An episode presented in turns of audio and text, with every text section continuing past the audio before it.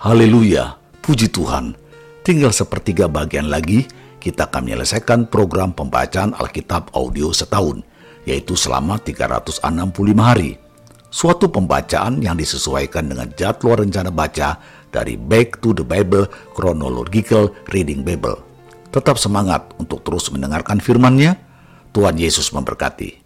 Inilah mendengarkan firman Tuhan hari ke-279. Yohanes pasal 2 Pada hari ketiga, ada perkawinan di Kana yang di Galilea, dan ibu Yesus ada di situ. Yesus dan murid-muridnya diundang juga ke perkawinan itu. Ketika mereka kekurangan anggur, ibu Yesus berkata kepadanya, Mereka kehabisan anggur. Kata Yesus kepadanya, Mau apakah engkau daripadaku, ibu? Saatku belum tiba. Tetapi ibu Yesus berkata kepada pelayan-pelayan, Apa yang dikatakan kepadamu, buatlah itu. Di situ ada enam tempayan yang disediakan untuk pembasuhan menurut adat orang Yahudi. Masing-masing isinya dua tiga buyung. Yesus berkata kepada pelayan-pelayan itu, Isilah tempayan-tempayan itu penuh dengan air. dan mereka pun mengisinya sampai penuh. Lalu kata Yesus kepada mereka, Sekarang cedoklah. Dan bawalah kepada pemimpin pesta. Lalu mereka pun membawanya. Setelah pemimpin pesta itu mengecap air yang telah menjadi anggur itu, dan ia tidak tahu dari mana datangnya. Tetapi pelayan-pelayan yang mencedok air itu mengetahuinya. Ia memanggil mempelai laki-laki dan berkata kepadanya, Setiap orang menghidangkan anggur yang baik dahulu, dan sesudah orang puas minum, barulah yang kurang baik. Akan tetapi, engkau menyimpan anggur yang baik sampai sekarang. Hal itu dibuat Yesus di Kana yang di Galilea sebagai yang pertama dari tanda-tandanya dan dengan itu ia telah menyatakan kemuliaannya dan murid-muridnya percaya kepadanya. Sesudah itu Yesus pergi ke Kapernaum bersama-sama dengan ibunya dan saudara-saudaranya dan murid-muridnya dan mereka tinggal di situ hanya beberapa hari saja. Ketika hari raya Paskah orang Yahudi sudah dekat, Yesus berangkat ke Yerusalem. Dalam bait suci didapatinya pedagang-pedagang lembu, kambing domba dan merpati, dan penukar-penukar uang duduk di situ. Ia membuat cambuk dari tali, lalu mengusir mereka semua dari bait suci dengan semua kambing, domba, dan lembu mereka. Uang penukar-penukar dihamburkannya ke tanah, dan meja-meja mereka dibalikkannya. Kepada pedagang-pedagang merpati, ia berkata, Ambil semuanya ini dari sini. Jangan kamu membuat rumah Bapakku menjadi tempat berjualan. Maka teringatlah murid-muridnya bahwa ada tertulis, Cinta untuk rumahmu menghanguskan aku. Orang-orang Yahudi menantang Yesus, katanya, Tanda apakah dapat engkau tunjukkan kepada kami bahwa engkau berhak bertindak demikian? Jawab Yesus kepada mereka, Rombak bait Allah ini. Dan dalam tiga hari, aku akan mendirikannya kembali. Lalu kata orang Yahudi kepadanya, Empat puluh enam tahun orang mendirikan bait Allah ini. Dan engkau dapat membangunnya dalam tiga hari? Tetapi yang dimaksudkannya dengan bait Allah ialah tubuhnya sendiri. Kemudian, sesudah ia bangkit dari antara orang mati, barulah teringat oleh murid-muridnya bahwa hal itu telah dikatakannya. Dan Mereka pun percayalah akan kitab suci dan akan perkataan yang telah diucapkan Yesus. Dan sementara ia di Yerusalem selama hari raya Paskah, banyak orang percaya dalam namanya karena mereka telah melihat tanda-tanda yang diadakannya. Tetapi Yesus sendiri tidak mempercayakan dirinya kepada mereka, karena ia mengenal mereka semua, dan karena tidak perlu seorang pun memberi kesaksian kepadanya tentang manusia, sebab ia tahu apa yang ada di dalam hati manusia. Yohanes pasal 3 Adalah seorang Farisi yang bernama Nikodemus, seorang pemimpin agama Yahudi. Ia datang pada waktu malam kepada Yesus dan berkata, Rabi, kami tahu bahwa engkau datang sebagai guru yang diutus Allah. Sebab tidak ada seorang pun yang dapat mengadakan tanda-tanda yang engkau adakan itu, jika Allah tidak menyertainya. Yesus menjawab, katanya, Aku berkata kepadamu, sesungguhnya jika seorang tidak dilahirkan kembali, ia tidak dapat melihat kerajaan Allah. Kata Nikodemus kepadanya, Bagaimanakah mungkin seorang dilahirkan kalau ia sudah tua? Dapatkah ia masuk kembali ke dalam rahim ibunya dan dilahirkan lagi? Jawab Yesus, Aku berkata kepadamu, sesungguhnya, jika seorang tidak dilahirkan dari air dan roh, ia tidak dapat masuk ke dalam kerajaan Allah. Apa yang dilahirkan dari daging adalah daging, dan apa yang dilahirkan dari roh adalah roh. Janganlah engkau heran, karena aku berkata kepadamu, kamu harus dilahirkan kembali. Angin bertiup ke mana ia mau, dan engkau mendengar bunyinya. Tetapi engkau tidak tahu dari mana ia datang atau ke mana ia pergi. Demikianlah halnya dengan tiap-tiap orang yang lahir dari roh. Nikodemus menjawab, katanya, Bagaimanakah mungkin hal itu terjadi?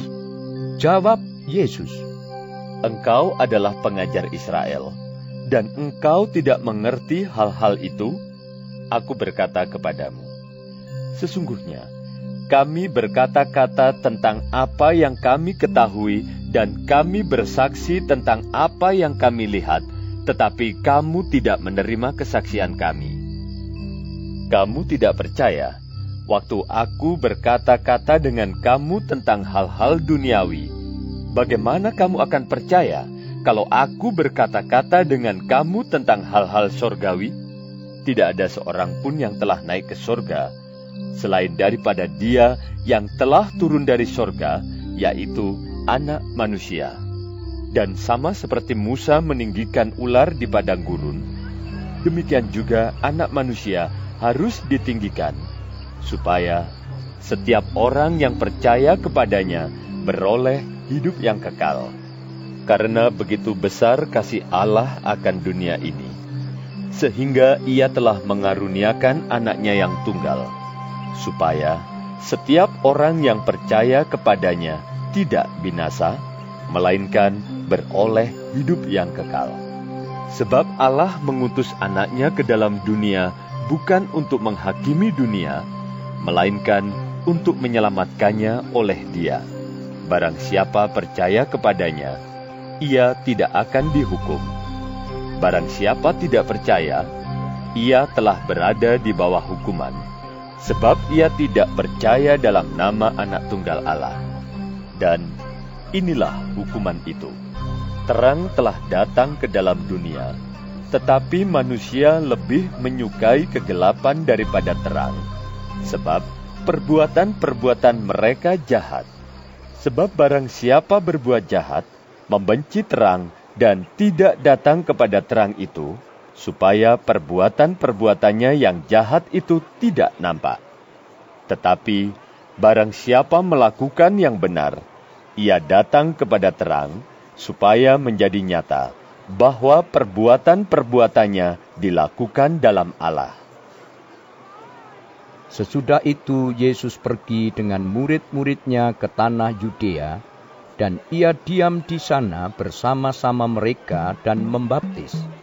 Akan tetapi Yohanes pun membaptis juga di Ainon dekat Salim, sebab di situ banyak air, dan orang-orang datang ke situ untuk dibaptis, sebab pada waktu itu Yohanes belum dimasukkan ke dalam penjara. Maka timbullah perselisihan di antara murid-murid Yohanes dengan seorang Yahudi tentang penyucian. Lalu mereka datang kepada Yohanes dan berkata kepadanya, Rabi, orang yang bersama dengan engkau di seberang sungai Yordan, dan yang tentang dia engkau telah memberi kesaksian, dia membaptis juga, dan semua orang pergi kepadanya. Jawab Yohanes, tidak ada seorang pun yang dapat mengambil sesuatu bagi dirinya kalau tidak dikaruniakan kepadanya dari surga. Kamu sendiri dapat memberi kesaksian bahwa aku telah berkata, Aku bukan Mesias, tetapi aku diutus untuk mendahuluinya. Yang empunya mempelai perempuan, ialah mempelai laki-laki. Tetapi sahabat mempelai laki-laki yang berdiri dekat dia dan yang mendengarkannya sangat bersuka cita mendengar suara mempelai laki-laki itu. Itulah sukacitaku, dan sekarang sukacitaku itu penuh. Ia harus makin besar, tetapi aku harus makin kecil. Siapa yang datang dari atas adalah di atas semuanya. Siapa yang berasal dari bumi termasuk pada bumi, dan berkata-kata dalam bahasa bumi. Siapa yang datang dari sorga adalah di atas semuanya. Ia memberi kesaksian tentang apa yang dilihatnya dan yang didengarnya. Tetapi tak seorang pun yang menerima kesaksiannya itu. Siapa yang menerima kesaksiannya itu, ia mengaku bahwa Allah adalah benar. Sebab Siapa yang diutus Allah, dialah yang menyampaikan firman Allah. Karena Allah mengaruniakan rohnya dengan tidak terbatas. Bapa mengasihi anak dan telah menyerahkan segala sesuatu kepadanya. Barang siapa percaya kepada anak, ia beroleh hidup yang kekal. Tetapi barang siapa tidak taat kepada anak, ia tidak akan melihat hidup, melainkan murka Allah tetap ada di atasnya. Yohanes pasal 4 Ketika Tuhan Yesus mengetahui bahwa orang-orang Farisi telah mendengar bahwa ia memperoleh dan membaptis murid lebih banyak daripada Yohanes. Meskipun Yesus sendiri tidak membaptis, melainkan murid-muridnya ia pun meninggalkan Yudea dan kembali lagi ke Galilea. Ia harus melintasi daerah Samaria. Maka sampailah ia ke sebuah kota di Samaria yang bernama Sikar, dekat tanah yang diberikan Yakub dahulu kepada anaknya Yusuf. Di situ terdapat sumur Yakub. Yesus sangat letih oleh perjalanan karena itu ia duduk di pinggir sumur itu. Hari kira-kira pukul 12. Maka datanglah seorang perempuan Samaria hendak menimba air. Kata Yesus kepadanya, Berilah aku minum. Sebab murid-muridnya telah pergi ke kota membeli makanan. Maka kata perempuan Samaria itu kepadanya, Masakan engkau seorang Yahudi minta minum kepadaku seorang Samaria? Sebab orang Yahudi tidak bergaul dengan orang Samaria. Jawab Yesus kepadanya, Jikalau engkau tahu tentang karunia Allah dan siapakah dia yang berkata kepadamu, Berilah aku minum. Niscaya, engkau telah meminta kepadanya dan ia telah memberikan kepadamu air hidup. Kata perempuan itu kepadanya, Tuhan, Engkau tidak punya timba, dan sumur ini amat dalam. Dari manakah Engkau memperoleh air hidup itu? Adakah Engkau lebih besar daripada bapa kami Yakub yang memberikan sumur ini kepada kami dan yang telah minum sendiri dari dalamnya? Ia serta anak-anaknya dan ternaknya? Jawab Yesus kepadanya, Barang siapa minum air ini, ia akan haus lagi. Tetapi barang siapa minum air yang akan kuberikan kepadanya, ia tidak akan haus untuk selama-lamanya. Sebaliknya, air yang akan kuberikan kepadanya akan menjadi mata air di dalam dirinya yang terus-menerus memancar sampai kepada hidup yang kekal. Kata perempuan itu kepadanya, Tuhan, berikanlah aku air itu, supaya aku tidak haus dan tidak usah datang lagi ke sini untuk menimba air. Kata Yesus kepadanya, Pergilah, panggillah suamimu dan datang ke sini. Kata perempuan itu, Aku tidak mempunyai suami. Kata Yesus kepadanya, Tepat katamu, bahwa engkau tidak mempunyai suami. Sebab engkau sudah mempunyai lima suami dan yang ada sekarang padamu bukanlah suamimu. Dalam hal ini, engkau berkata benar.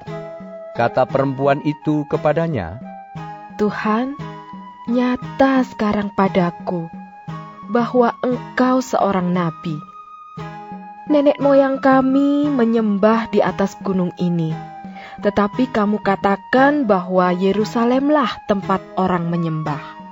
Kata Yesus kepadanya, Percayalah kepadaku, hai perempuan, saatnya akan tiba bahwa kamu akan menyembah Bapa bukan di gunung ini dan bukan juga di Yerusalem. Kamu menyembah apa yang tidak kamu kenal, kami menyembah apa yang kami kenal, sebab keselamatan datang dari bangsa Yahudi. Tetapi saatnya akan datang dan sudah tiba sekarang, bahwa penyembah-penyembah benar akan menyembah Bapa dalam roh dan kebenaran, sebab Bapa menghendaki penyembah-penyembah demikian. Allah itu roh, dan barang siapa menyembah dia, harus menyembahnya dalam roh dan kebenaran.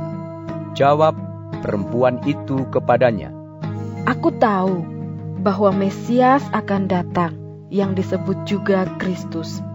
Apabila ia datang, ia akan memberitakan segala sesuatu kepada kami. Kata Yesus kepadanya, Akulah dia yang sedang berkata-kata dengan engkau. Pada waktu itu, datanglah murid-muridnya, dan mereka heran bahwa ia sedang bercakap-cakap dengan seorang perempuan.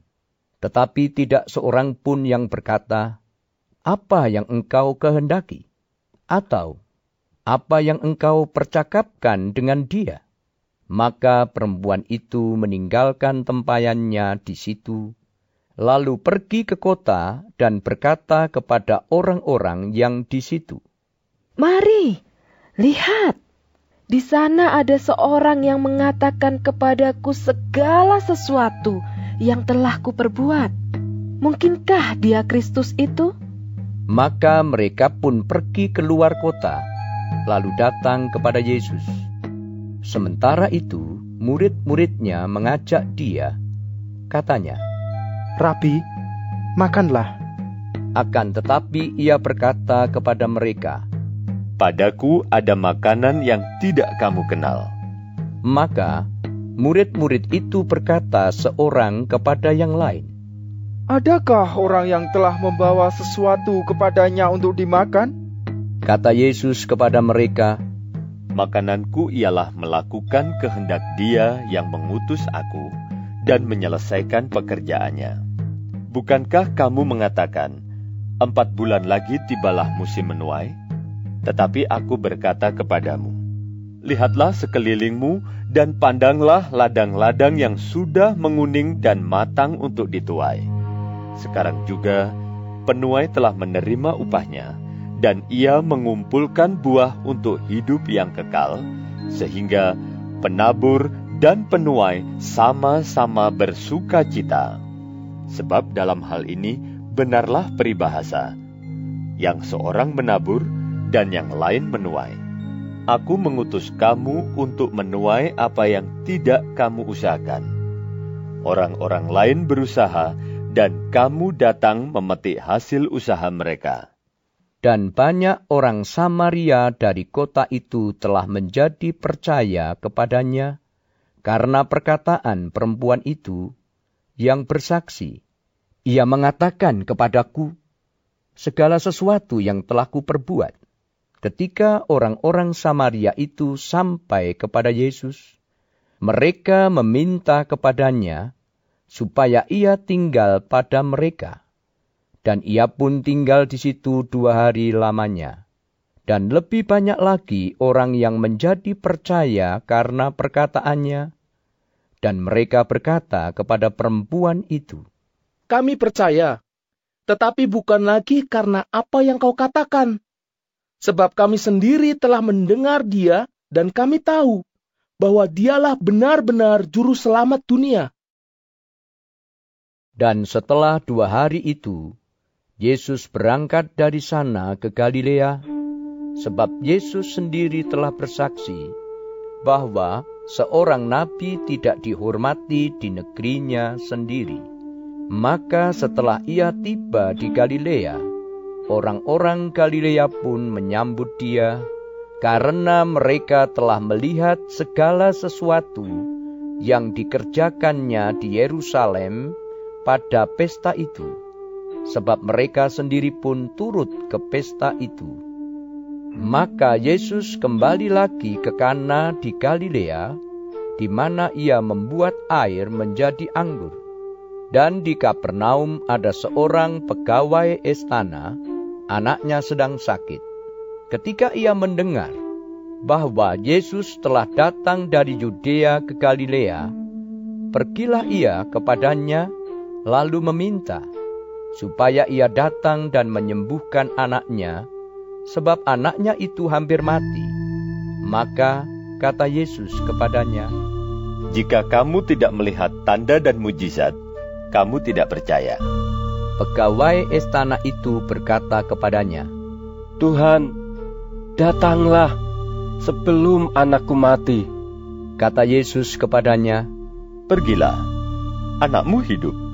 Orang itu percaya akan perkataan yang dikatakan Yesus kepadanya, lalu pergi. Ketika ia masih di tengah jalan, hamba-hambanya telah datang kepadanya dengan kabar bahwa anaknya hidup. Ia bertanya kepada mereka, "Pukul berapa anak itu mulai sembuh?" Jawab mereka, "Kemarin siang pukul satu, demamnya hilang." Maka teringatlah ayah itu bahwa pada saat itulah Yesus berkata kepadanya, "Anakmu hidup." Lalu ia pun percaya, ia dan seluruh keluarganya. Dan itulah tanda kedua yang dibuat Yesus ketika ia pulang dari Yudea ke Galilea. Tetap semangat, teruskanlah mendengarkan firman Tuhan. Sampai jumpa esok